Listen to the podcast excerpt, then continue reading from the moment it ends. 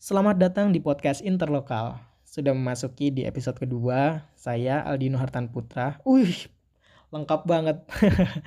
saya Aldino yang nantinya bakal berbincang-bincang dengan beberapa rekan saya yang sekarang ada di luar kota Klaten.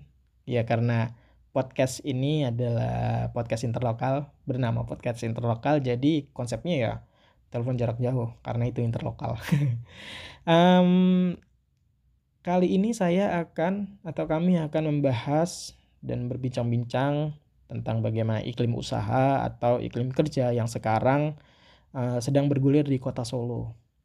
Kenapa kok saya ambil topik ini? Ya karena COVID-19 ini sedang memberikan dampak atau PSBB sekarang ini memberikan dampak uh, yang cukup signifikan untuk rekan-rekan pengusaha, khususnya pengusaha UKM, usaha kecil menengah. Nah, jadi um, saya akan berbincang dengan dua rekan saya ini yang sekarang sedang uh, giat-giatnya membangun usaha-usaha mereka di bidang jasanya masing-masing. Nah, um, mungkin ada baiknya saya perkenalkan dulu uh, salah satu atau salah dua dari narasumber saya ini. Yang pertama nanti yang akan berbincang dengan saya yaitu Mas Ardi. Beliau beliau punya satu brand satu brand fotografi atau satu brand di bidang jasa fotografi yang bernama nggak cuma jajan. Dan uh, narasumber atau rekan saya yang kedua yaitu Mbak Rizka Novelia Adela yang sekarang punya bidang usaha di bidang kuliner. Bidang kuliner ya. Yeah. um, nama brandnya itu sendiri yaitu The Cadas The Cadas The Cadas Kartasura atau The Cadas Solo yang sekarang digandrungi sama mahasiswa UMS khususnya anak-anak kosan yang ada di sekitar UMS karena makanannya enak banget nih. Pedes-pedes gitu. Uh, langsung saja nih ya kayaknya. Uh, langsung saja kita uh, berbincang-bincang dengan kedua rekan saya ini. Dan semoga uh, podcast ini bermanfaat untuk um, pendengar-pendengar sekalian yang sekarang sedang ya menekuni usaha kecil-kecilan atau sekarang sedang merintis usaha. Semangat dan selamat mendengarkan podcast Interlokal episode kedua.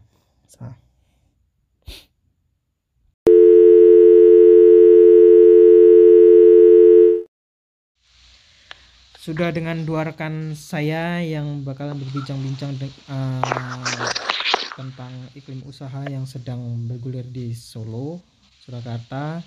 Sekarang udah ada Mbak Rizka sama Mbak Ardi. Eh kok Mbak Ardi? Astagfirullah. Mas, Mas Ardi. Mas Ardi Mas Ardi Evans. Nah tadi udah saya beritahu nih kan uh, kedua rekan saya ini sekarang sedang giat-giatnya dalam membuka usaha membuka usaha apa ya? Um, merintis usaha. Yang satu di bidang kuliner yang satu di bidang jasa. Ya mau kenalan dulu apa gimana? Saya juga kuliner sebenarnya. Gimana? Gimana? Saya juga kuliner sebenarnya. Oh iya kuliner. Kuliner. Kuliner tapi bagian anu ya? Bagian ads. Terus ah. Iya. Advertisement. Advertisement. Advertisement kita bahasa Inggris yep bahasa Inggrisnya udah agak luntur-luntur. Iya. Oh, belepotan. By the way kita bertiga ini lulusan dari uh, sebut merek ini. Sebut merek uh, no. Sebut merek ya.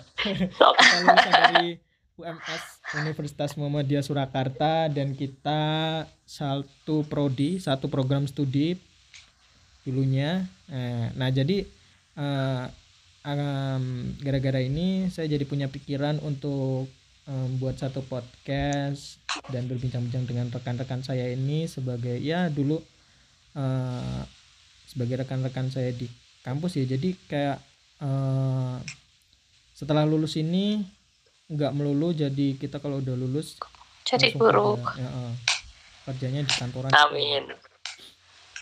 Ya mau bahas apa nih mbak? Gitu mas hari ini Oh iya, bahas iklim, iklim usaha ya. Iya. Hmm, sekarang yep. kan nih, sekarang nih, sekarang kan uh, eh, COVID-19 benar-benar um, memberi dampak ya memberi dampak entah itu benar banget kesejahteraan kesejahteraan eh, masyarakat ataupun em, dampak yang begitu signifikan kepada UKM UKM atau usaha kecil menengah yang ada di Indonesia. Nah, ini gimana nih, Mas? Mbak. Oh iya, sebelumnya gini ya. Sebelumnya gini kan sekarang eh, untuk usaha Mas Ardi sendiri ini kan bisa dibilang freelancer ya, Mas. Bener nggak nih? Em, iya sih benar sih. Jadi eh, ada garis besar nggak Mas freelancer itu sebenarnya kayak mana sih kalau eh, menurut Mas Ardi itu? Eh, sebenarnya kalau freelancer tuh mm, mungkin apa ya eh, bahasa awamnya tuh cowok panggilan atau cewek panggilan ya Cewek panggil Wi. Berarti Iya gimana gimana? tapi yang arti eh, itu kayak karena mereka kerja tuh berdasarkan project per project sih maksudnya satu project itu mereka bakal dipanggil ya itu freelancer. Namanya juga freelancer gitu kayak ya free free yang enggak free kayak gitu sih. Berarti in a nutshell, in a nutshell berarti kontrak gitu ya, ehm, Bisa. iya. Bisa bisa. Bisa kontrak. Dia juga nggak kontrak juga karena mereka cuma kerjanya tuh per project. Kalau Iya, kontrak kan ada jangka waktu ya. Ah, ah. Artinya kontrak kontraknya per project nggak pe- kontrak jangka panjang entah 1 sampai 2 tahun apa 1 3 tahun kayak gitu mungkin ya. Eh, Ah, nggak nggak kayak gitu mm-mm. Ah, kalau untuk eh, Mbak Rizka Mbak Rizka nih ya. Apa nih? Iya. Enaknya enaknya apa nih? Aku manggilnya Rizka apa Novia apa Rizka. Adela? Rizka ya. Rizka bisa, Adela bisa. Terserah Mas Aldino yang mau Kan kita kan biasa, panggil. kan aku sendirian biasanya manggil Adel kalau eh, Iya. bagusnya gimana nih untuk Adel juga boleh. Beda kalau Mbak Rizka ini sekarang Mm-mm. gimana nih? Kalau untuk em, usaha usahanya Usaha relatif ya? usaha sendiri, usahaku sendiri kan dalam bidang kuliner ya. Mm-mm. Ya kalau karena COVID ini sangat berdampak sekali karena udah tiga bulan aku nggak jualan. Oh udah tiga bulan. Udah Oh, tiga bulan bener nggak jualan. Hitungannya COVID-19 ini terhitung Februari ya? Iya per Februari ya sampai Maret, sekarang. April, Mei, heeh, tiga bulan, hampir tiga bulan aku nggak jualan. Soalnya apa? Anak kampus pada pulang semua. Iya sih bener juga. Lagi pula iya benar banget di sekitar kampus sekarang udah mulai anu ya, diterapin lockdown ya. Heeh, apalagi warung warungku itu kan masuk gang banget ya. Mm-mm. Jadi di portal. Jadi aku mau jualan kayak gimana, tetap di portal. Mau gimana lagi? Iya sih bener. ya. ketutup ya Kita, mm-mm. jadi kita harus punya putar otak harus gimana caranya ju- bisa jualan lagi tapi nggak perlu di warung. Hmm. Kalau GrabFood GoFood jalan GrabFood, GoFood jalan, tapi selama corona ini masih sepi. Soalnya kan daya pembelinya kurang. Oh berarti ini sekarang Hmm. pasarnya udah agak mulai kurang ya kalau untuk bidang kuliner ya Mbak? Iya, soalnya pelanggannya semua anak Kabur. kampus. Mm-mm, anak kampus Pelanggannya sekarang lagi kabur ada yang pulang ke ke daerahnya masing-masing ataupun Mm-mm, ada yang malah kena lockdown di kampus sebenarnya kasihan juga ya. mm-mm. Iya, kasihan banget. Har- Seharusnya pemerintah dulu nggak usah bikin himbauan anak kampus jangan pulang. Anak kampus kan awalnya diizinkan pulang, terus lama kelamaan ada yang belum pulang, akhirnya anak kampus nggak boleh pulang. Iya benar benar benar. Harusnya dari awal emang kalau seumpama mau di apa dianjurin lockdown atau PSBB itu harusnya dari ini ya per Februari itu udah benar-benar apa nggak mencela-mencela gitu mbak nggak Mm-mm, bener. Harusnya udah mulai benar-benar diterapin. Jadi eh, Iya. seba- ka- bagaimanapun konsekuensinya itu udah harus diterapin gitu. Mm-mm. malah sekarang kok eh, sebelum lebaran ini kan kayaknya aku dengar itu ada kabar kalau mudik itu masih boleh ya? Iya, kemarin mudik itu masih boleh. Asalkan bawa surat kesehatan dari puskesmas. itu sih sebenarnya ganggu banget. Ah ya uh, ini kan tadi um, keadaan dari usaha mbak Rizka ya? Mm-mm. kalau untuk Iya. Mas Ardi sendiri gimana nih Mas Ardi sebagai freelancer nih Mas Ardi masih Eh, jalan nggak nih kalau kita sebenarnya masih jalan cuman em, beda caranya aja sih di apa namanya cara kerjanya kita yang beda sih Hmm. kalau dulunya kita harus ke tempat outlet atau ke tempat resto buat photoshoot dan ambil bahan konten. Sekarang kita em, buat apa kayak request ke klien buat kirim barangnya ke rumah gitu. Jadi kerjainnya di rumah. Mm-mm. kayak gitu sama lebih banyak ngerjain eh, kayak desain desain kayak gitu desain booth desain promo dan kayak kayak gitu sih. Jadi Hmm. caranya aja sih yang beda Jadi kalau seumpama dulu Ardi yang jemput bola, tapi kalau sekarang eh, klien yang malah datang ke Ardi ya, yang nge- ngeharusin eh, produk-produk masuk ke Ardi ya untuk difoto atau em, dibuatkan iklan segala macamnya. ya. iya bener banget jadi mereka yang ibaratnya harus ke ke kita untuk ngirim barangnya cuman kalau kuliner kan nggak semua barang bisa dikirimkan karena ada beberapa atau banyak jenis makanan tuh yang nggak bisa dikirim kayak semisal Iya benar tuh. eh, makanan yang kayak ice cream atau segala macam yang basah-basah kayak gitu kita nolak sih karena nanti pas di ekspedisi pasti rusak sih. Hmm, hmm. Nah, ngomong-ngomong nih, kan ini oh ya, ada ada pertanyaan, saya ada pertanyaan yang menarik. Sebenarnya COVID-19 ini eh, membatasi diri eh, jenengan masing-masing nggak sih? Maksudnya membatasi diri dalam eh, artian untuk berinovasi gitu, dalam eh, limitasinya berinovasi gitu ya. Gimana Mas? Atau Mbak Rizka mungkin dari Mbak Rizka dulu bisa Halo, gimana Mas? Ah, untuk COVID-19 ini apa benar-benar mendampak berdampak negatif dalam artian dampak negatif itu PSBB atau COVID-19 ini ah, membat- membatasi diri kalian masing-masing nggak sih untuk berinovasi? Halo, Halo? Kedengeran? coba ulangi lagi Mas soalnya suaranya. Oh suaranya agak nggak kedengeran. Eh, eh, eh, eh, eh, Iya, suaranya sorry, sorry. putus-putus tadi. sorry, sorry, sorry. Ah, gini pertanyaannya gini apakah PSBB itu ah, Mm-mm. membatasi diri jenengan masing-masing untuk berinovasi Oh, kalau kalau saya sendiri ya, ini aku dulu ya Mas Ardi. iya Mbak kalau aku ya nggak nggak membatasi sih, malah justru membangun kita untuk lebih berinovasi lagi, bersaing dengan pedagang-pedagang lain. Mm-mm. Kalau Gitu jadi. inovasinya Gimana? mbak? Kalau kalau seumpama eh, di bidang foto gitu ya mbak mungkin eh, kayak Mas Ardi nih sekarang inovasinya mungkin ya salah sih sebenarnya kalau aku ngomong juga ya.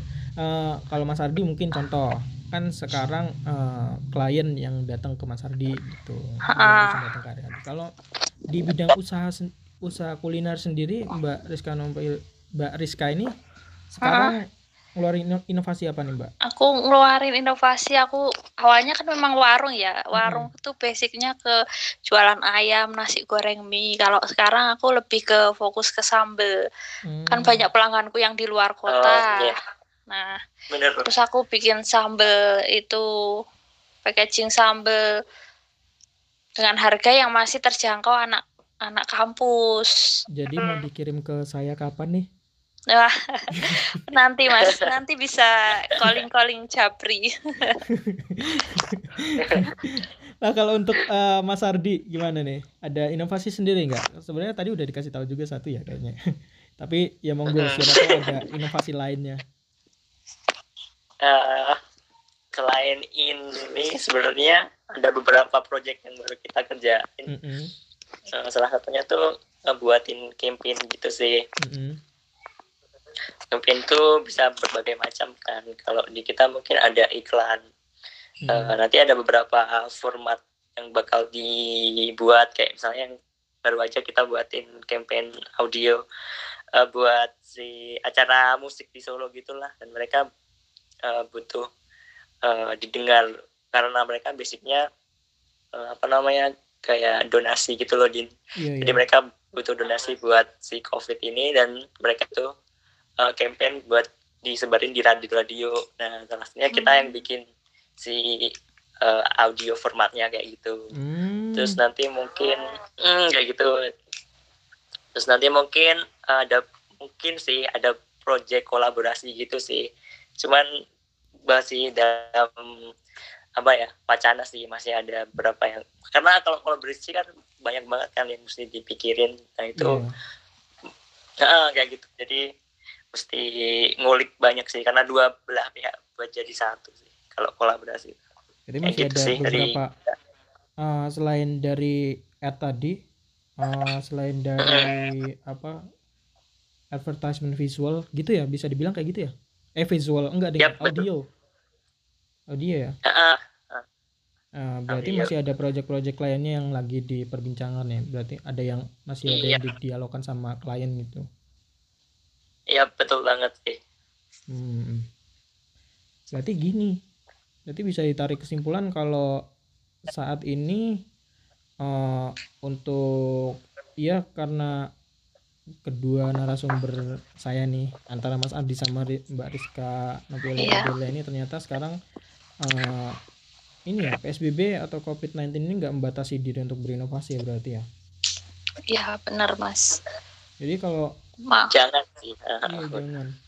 Berarti kalau tanpa uh, inovasi ini malah buruk soalnya uh, kan ada nih kalau di uh, perekonomi eh, apa ilmu ekonomi ada yang namanya demand and, demand and supply dan engagement ya. ya Yep. nggak? Benar kan? Hmm. Ah, Iya. Kalau seumpama um, Mbak atau Mas ini berhenti berinovasi otomatis kan engagement ke pasar juga mengurang ya. turun, turun. Ah iya, jadi jadi ingat nih, kalau engage, engagement ke pasar sendiri kayak mana sekarang? Masih masih via eh, apa?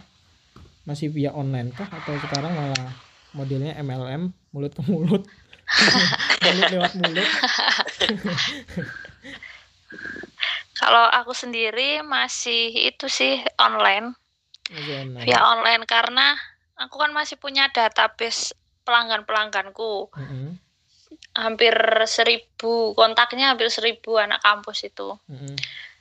Nah itu nanti jadi kalau misalkan aku cuman iklan-iklan gitu nanti banyak yang ngechat, banyak yang minat untuk beli produkku. Mm-mm. Berarti hitungannya gini ya Mbak, berarti pasarnya itu tetap ada, cuman pasarnya tetap ada. cuman frekuensi cuman frekuensi ataupun lab, bukan laba ding. Ya frekuensi frekuensi pembelinya itu Iya, segede dulu sebanyak bias, Heeh, bener. kalau Mas Ardi nih gimana nih? Kalau untuk masalah engagement ah sebentar.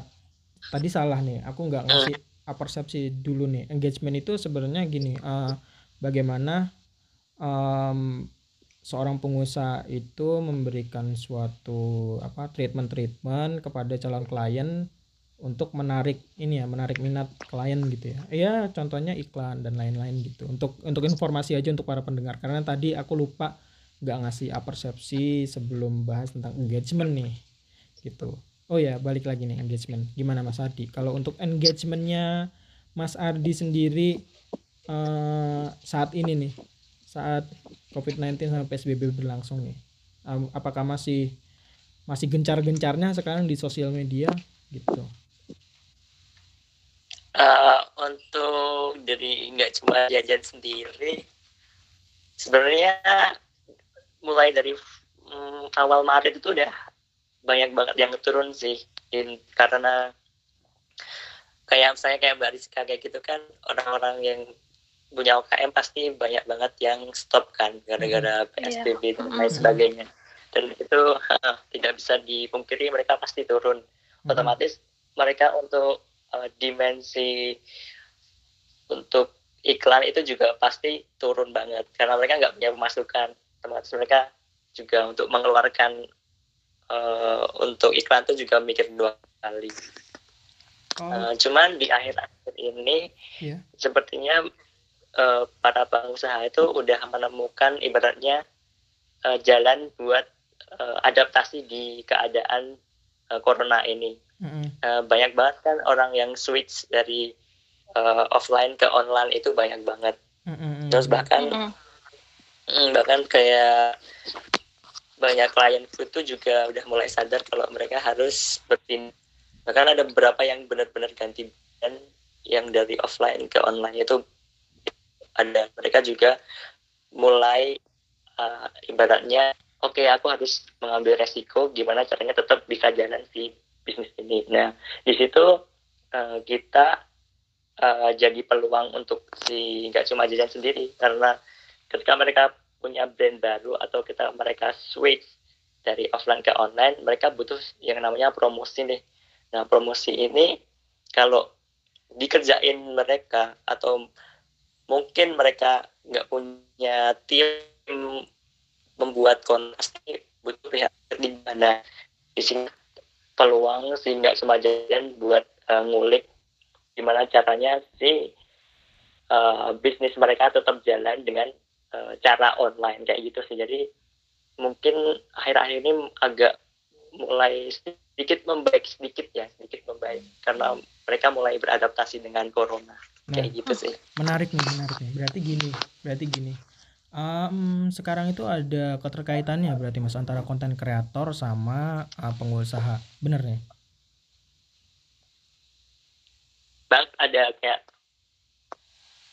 jadi kayak kayak sekarang itu kayak sekarang itu konten kreator tuh lebih dibutuhkan oleh pengusaha. Karena gini um, kan ada nih beberapa pengusaha yang masih menggunakan ini ya engage engagement yang masih tradisional ya hitungannya ya. Uh, kayak mereka itu jarang menggunakan sosial media nah sekarang berarti iya. udah uh, pada bermigrasi ke sosial media atau via online sekarang berarti mas ya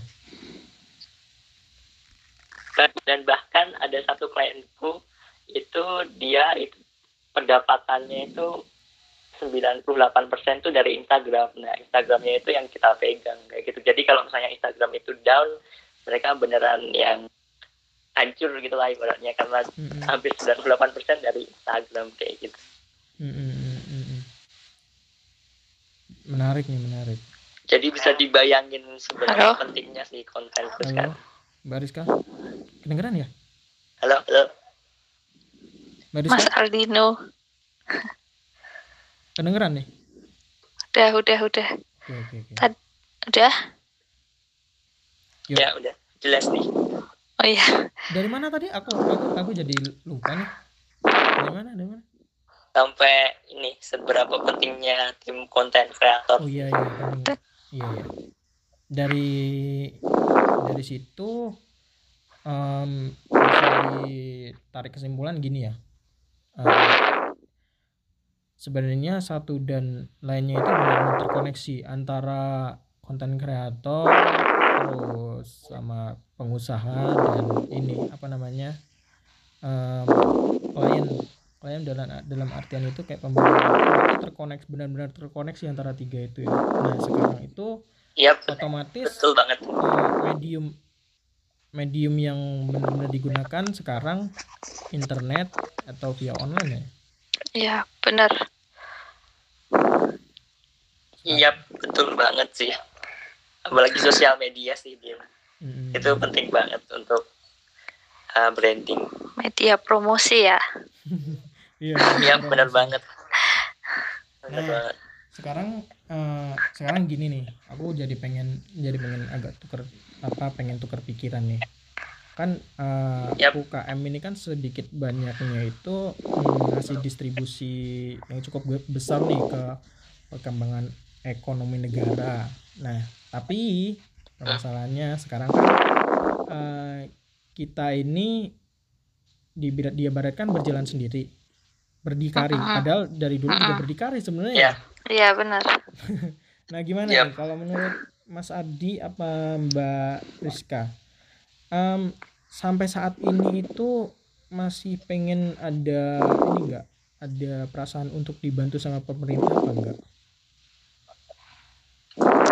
Mas Ardi dulu deh.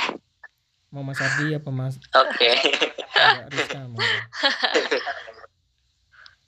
untuk dibantu pemerintah untuk waktu dekat ya Hmm.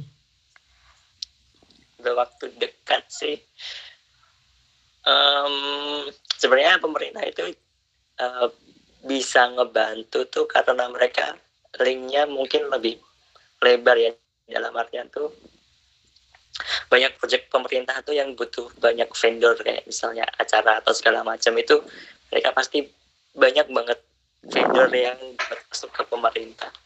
Dan itu ketika eh, kita bisa masuk ke pemerintah itu mungkin akan diberikan ibaratnya kesempatan untuk uh, mem- mempromosikan brand kita gitu apalagi kalau udah yang dipegang sama orang orang yang gede dalam artian mungkin bupati atau segala macam itu bisa banget ngebantu ngebantu brand kita buat berkembang cuman di situ kan jeleknya uh, politik ya Hmm. Nah, jeleknya di pol apa karena politik itu tuh yang bikin uh, brandnya tuh nggak sehat kalau pemerintah Hmm. tuh kayak gitu. Cuman kemarin pernah uh, pernah lihat juga itu tuh ada ibaratnya pemerintah pemerintah tuh ngebuat sebuah buku. Nah, isi bukunya itu uh, portofolio portofolio orang-orang kreatif gitu din. Hmm. Nah, si si portofolionya ini tuh di eh, dipresentasikan di luar negeri. Nah, di situ pem- aku baru sadar kalau peran pemerintah tuh bisa sedemikian rupa sebenarnya. nggak nggak lewat Cuman kalau ya nggak lewat ini ya nggak lewat apa pendanaan tapi lewat exposure juga berarti pemerintah nggak masih bisa ini ya masih apa masih bisa ikut andil bagian di situ gitu untuk iya bener. Jadi nggak nggak maksudnya nggak 100% mereka apa namanya jelek gitu loh maksudnya tuh. Eh, bu- eh, di se- suatu kesempatan tuh mereka emang beneran nge-support eh, si orang-orang kreatif di Indonesia apalagi di tahun 2020 ini tuh eh, apa namanya kayak si Sandiaga Uno itu tuh kan juga walaupun dia udah nggak di pemerintah cuman mereka kan cuman dia kan punya koneksi banyak di Iya, orang-orang pemerintah Benar. itu tuh kayak si dokter Tirta itu kan juga eh, dapat investornya tuh gara-gara si Sandiaga Uno dan Hmm. dia juga sampai yang di ya you know lah sampai dipromosiin sampai di luar negeri sama di makna kreatif itu kan juga masuk. Salah satu agensi yang masuk di portofolio eh, bidang kreatif yang dipresentasikan di luar negeri kayak gitu sih. Jadi menurutku pemerintah nggak 100% jelek ya. Cuman kalau untuk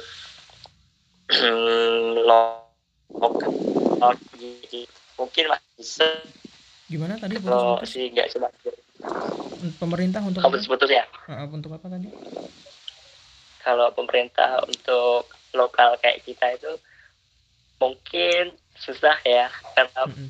eh, kalian tahu sendiri lah apa namanya yang sangat berbelit ya apa namanya kayak kita ngurus apa segala macam itu berbelit banget Mm-mm. Eh, kalau nggak cuma jajan sih eh, kita nyarinya atau pengennya itu kita lebih nyari ke investor sih daripada bantuan pemerintah Hmm, hmm.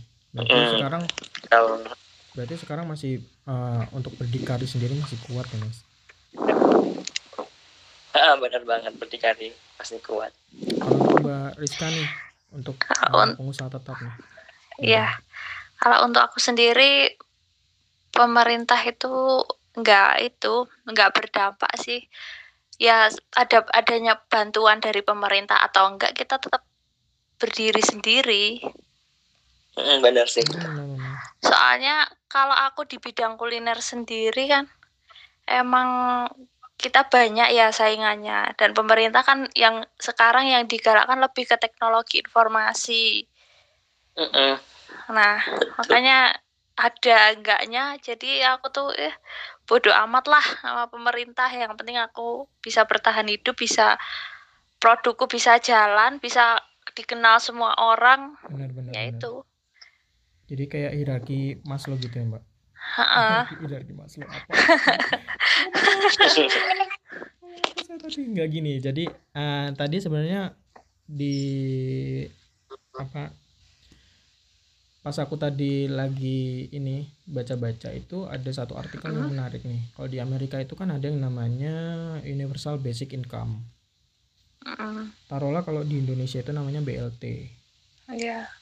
Kalau di kalau di imp- umpamain ya mbak. Nah ini sebenarnya kalau eh, Indonesia berani narik ini narik apa? Narik resiko. Nah kalau seumpama ada universal un- Kalau- universal basic income atau basic income lah disingkatnya aja basic income. Nah itu sebenarnya em, jadi mbak Rizka sama Mas Ardi udah udah tahu teknisnya BLT kayak mana kan? Iya, itu kan No, no. dapat bantuan Aku nggak terlalu 600 tahu sih. dapat bantuan 600 ribu ya. Nah Nanti iya. ber bertahap tiga bulan apa enam bulan gitu. Mm-mm. Dan Sebenarnya itu orangnya gimana? itu orangnya itu ada yang yang mampu tapi dikasih Mm-mm. Salah sasaran gitu ya mbak. Heeh, salah sasaran.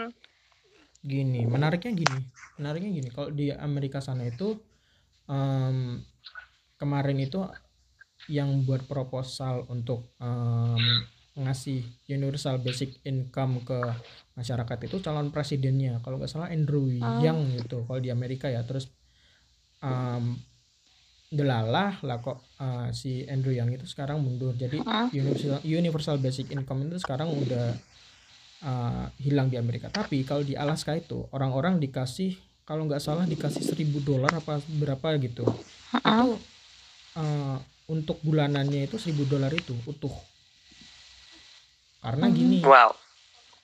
karena gini mereka udah ngasih kontribusi ke uh, pemerintah salah satu Pemerintah. kontribusinya itu kalau di Alaska itu ada kalau nggak salah kilang minyak atau apa itu nah dari itu pemerintah ngasih kompensasi ke masyarakatnya karena mereka udah nemuin itu dan mereka beker- bekerja di situ otomatis kan uh, ngasih defisit ke negara juga maksudnya ngasih Iya, heeh. keuntungan ke negara. Nah, mereka itu dihadiahi universal basic income. Jadi uh, per bulannya dikasih 1000 dolar itu. Nah, kalau di Indonesia sendiri ini kan sebenarnya kita sebagai UMKM ini kan uh, ini ya kurang lebih kan bantu perekonomian negara, entah itu membuka Iya. lapangan kerja atau menjadi uh, apa penyumbang terbesar uh, di produk domestik gitu ataupun uh, Iya.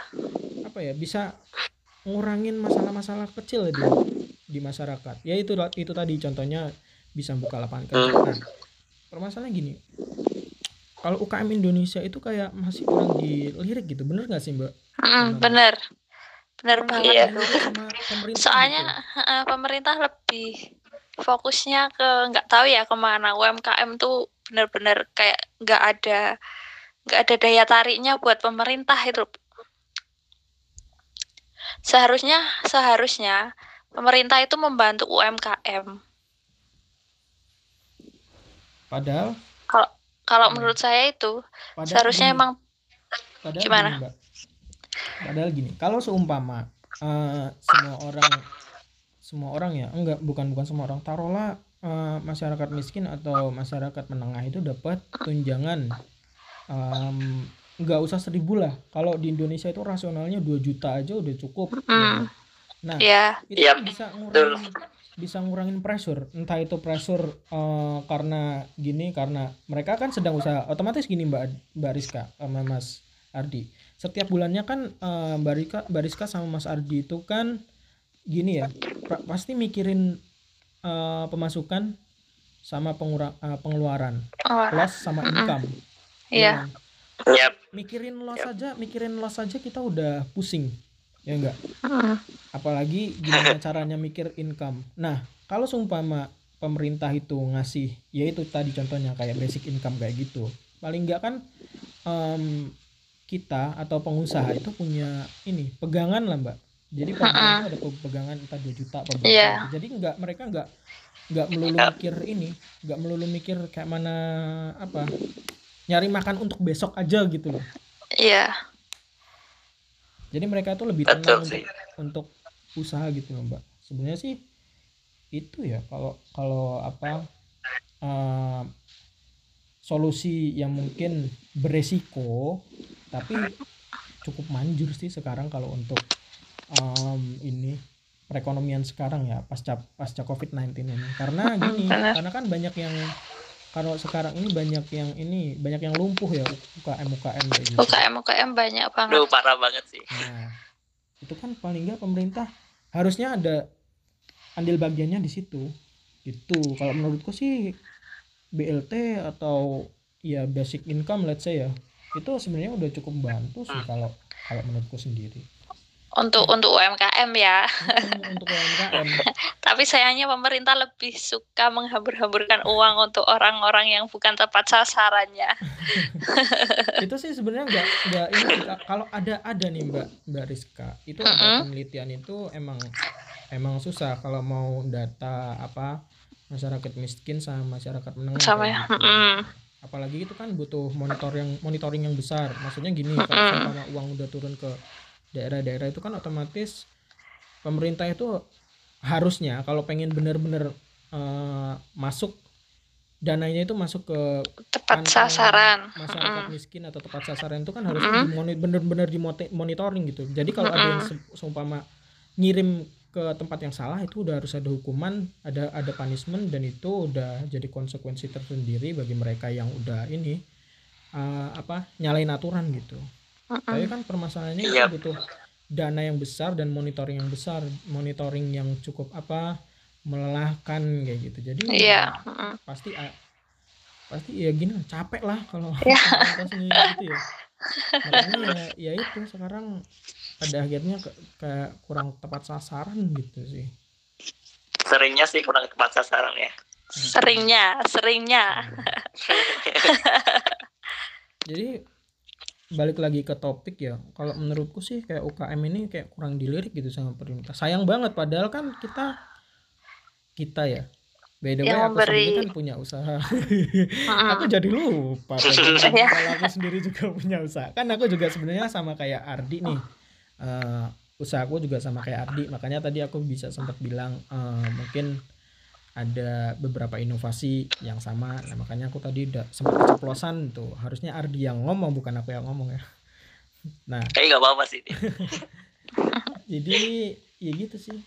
Kayak kurang dilirik aja. Padahal sayang banget kan. Harusnya pemerintah punya gini lah. Apa ngulurin tangan ataupun ya taruhlah punya timbal balik gitu. Ternyata enggak Pad- Padahal nanti di tahun 2030 itu UMKM akan berjaya. bener Otomatis kan Amin. otomatis kan memberi dana yang lebih buat pemerintah ya. Mm-mm. Iya betul. jadi jadi punya jadi punya pertanyaan lagi nih jadi punya pertanyaan lagi nah kalau un- eh, untuk mikir-mikir ke depan ya artinya mikir-mikir masa depan jadi gini kan setelah badai pasti ada yang namanya pelangi ya enggak Mm-mm, benar. sekarang itu ada nggak Iya. sih eh, awang-awang untuk ke depannya di usaha itu ada ada peluang-peluang kayak gitu nggak sih setelah setelah apa eh, COVID-19 ini selesai atau setelah new normal bakal diberlakukan di Indonesia gitu kalau nih kalau kalau aku nih kalau contoh kalau di bidang pariwisata kan setelah ses, setelah seso bahasa Jawa aku kok. setelah besok setelah besok eh, COVID-19 ini kelar kan otomatis eh, sektor pariwisata bakal ini lagi eh, aktif lagi ya kan. Nah, Iya setelah sekian lama orang-orang nggak eh, nggak bisa wisata kan otomatis berlibur. besok harus berlibur semua kayak gitu. Bukan berlibur semua ya kayak kayak hyperbola banget. Eh, ini kayak apa? eh, orang-orang itu Melampiaskan ya? mindsetnya iya melampiaskan kayak gitu. Mm-mm. Nah, kalau seumpama di eh, bidang usaha Mbak Rizka atau Mas Ardi ini eh, sekarang masih tetap optimis kan kalau untuk ke depannya itu pasti ada peluang-peluang kayak gitu. Iya. Mas Ardi. Banyak banget. Oh, aku banyak banget sih peluang gitu. Mm-mm. Apalagi kalau saya si COVID-19 ini udah ibaratnya udah bisa diatasi tuh otomatis banget para pengusaha tuh pasti mereka berlomba buat Mm-mm, gimana bener cara- banget. Iya kan, apalagi sih Barca juga nanti eh, eh, pol-polan mungkin ada pol-polan.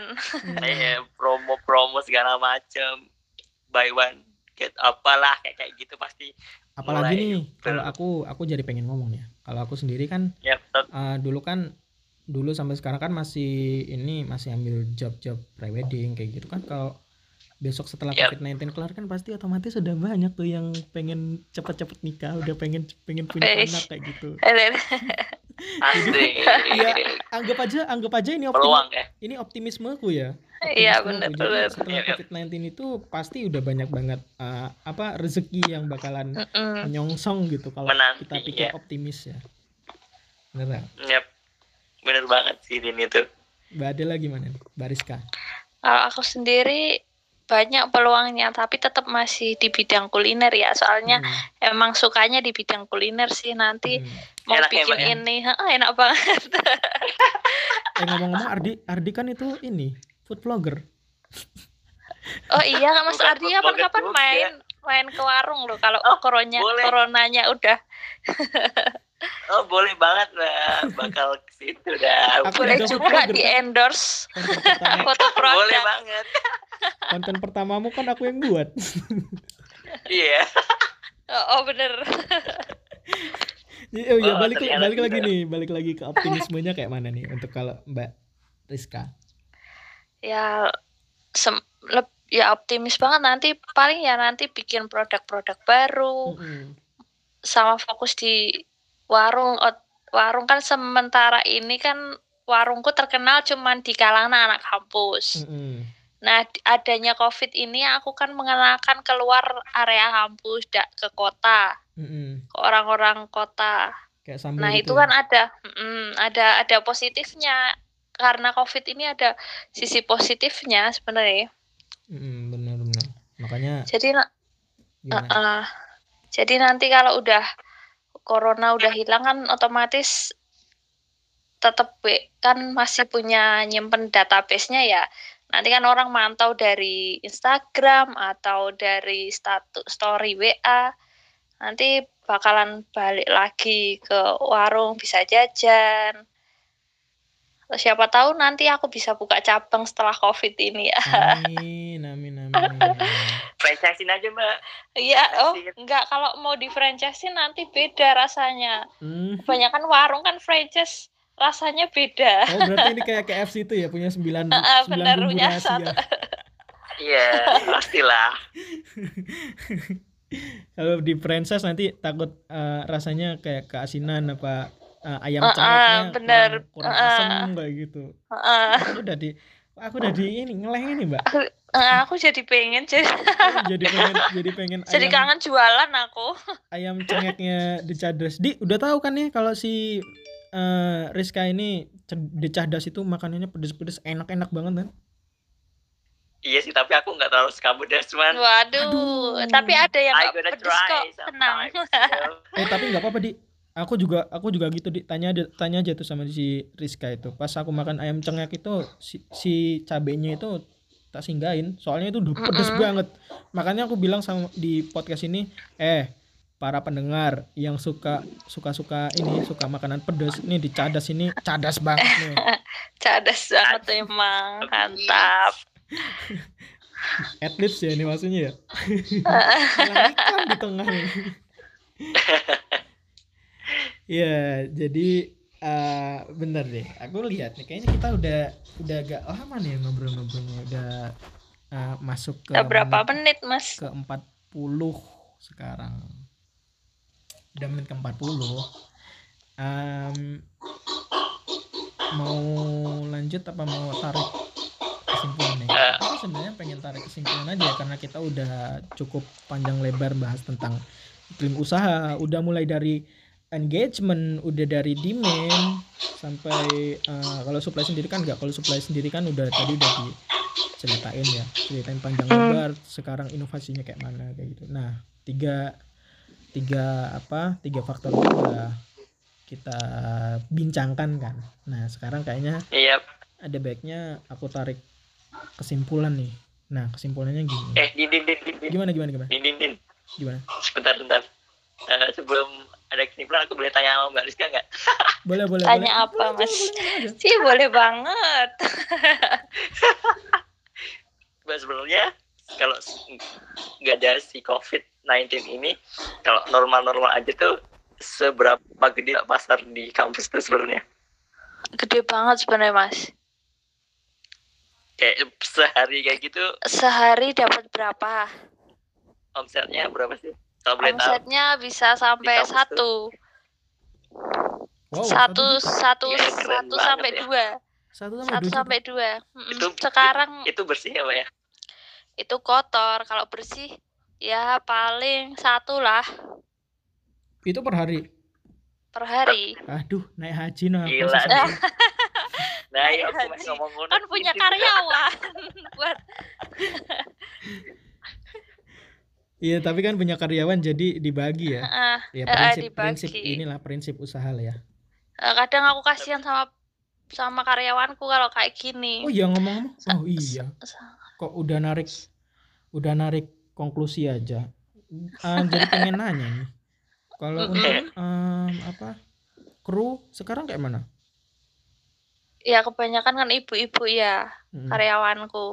Jadi aku tuh kasihan nggak ada kerjaan Hmm. aku mau kasih tambahan juga aku posisi kayak gini jadi ya Iya, paling aku kalau ada rezeki nanti aku kas aku kasih sedikit-sedikit mbak ini rezeki buat mbak dan anak-anaknya gitu paling Hmm, hmm. soalnya ada salah pegawaiku salah satu ada salah satu yang janda jadi aku lebih ke Wah.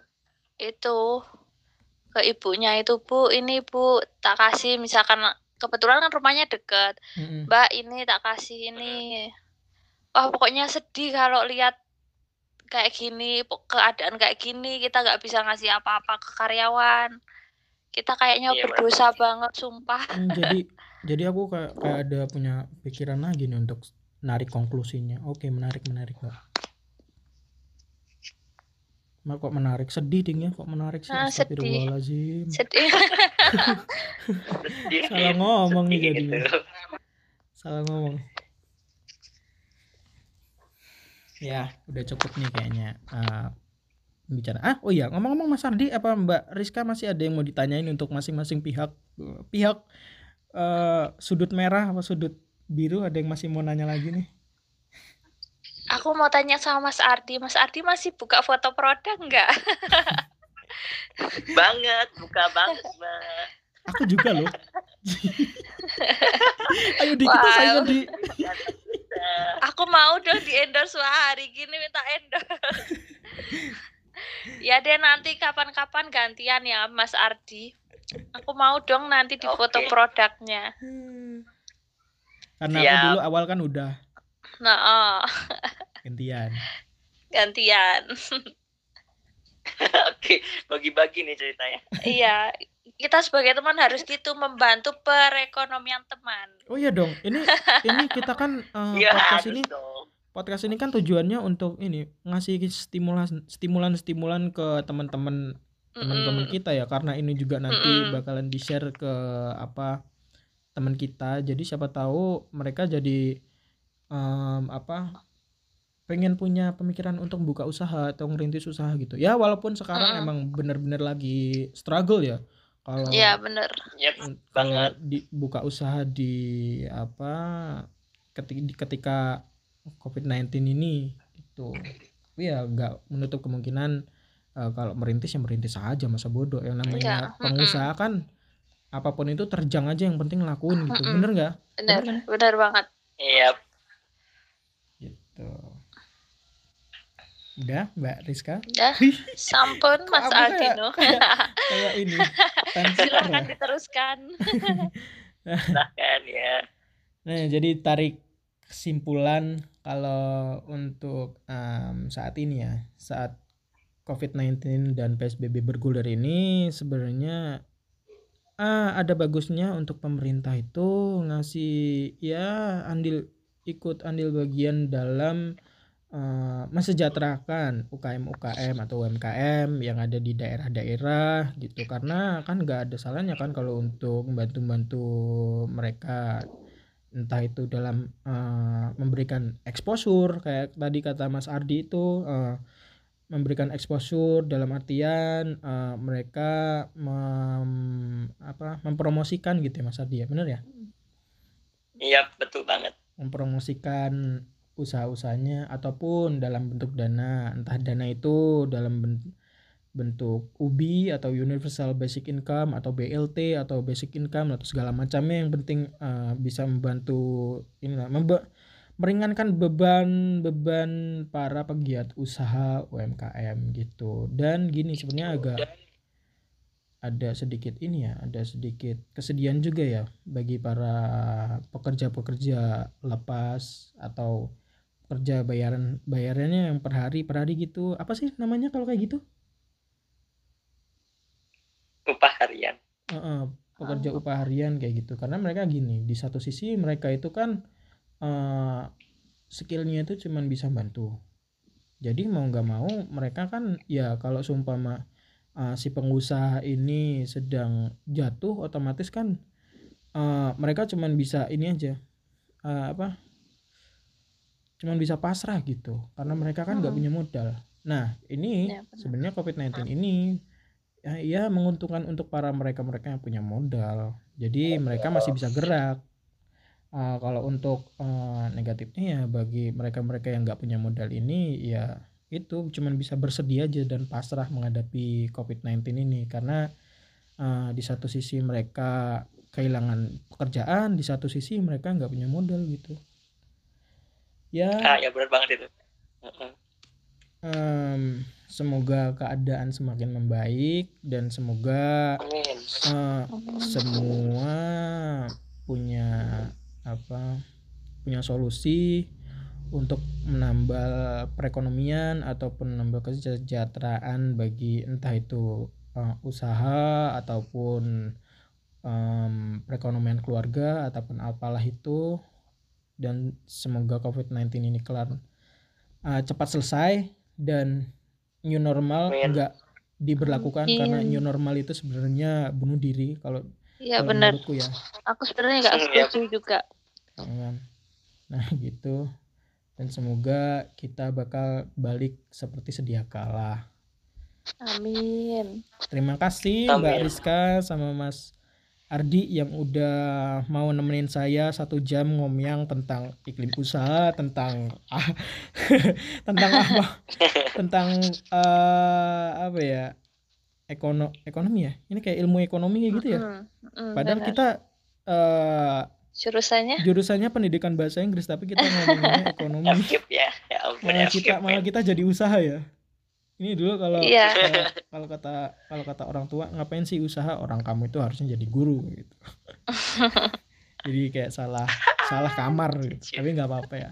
Ya semoga podcast kali ini bermanfaat untuk para pendengar-pendengar sekalian. Um, selamat ya selamat ya. Apa semangat dalam menjalani kehidupan di um, era COVID-19 ini. Uh, iya Selamat berjumpa kembali di podcast interlokal selanjutnya.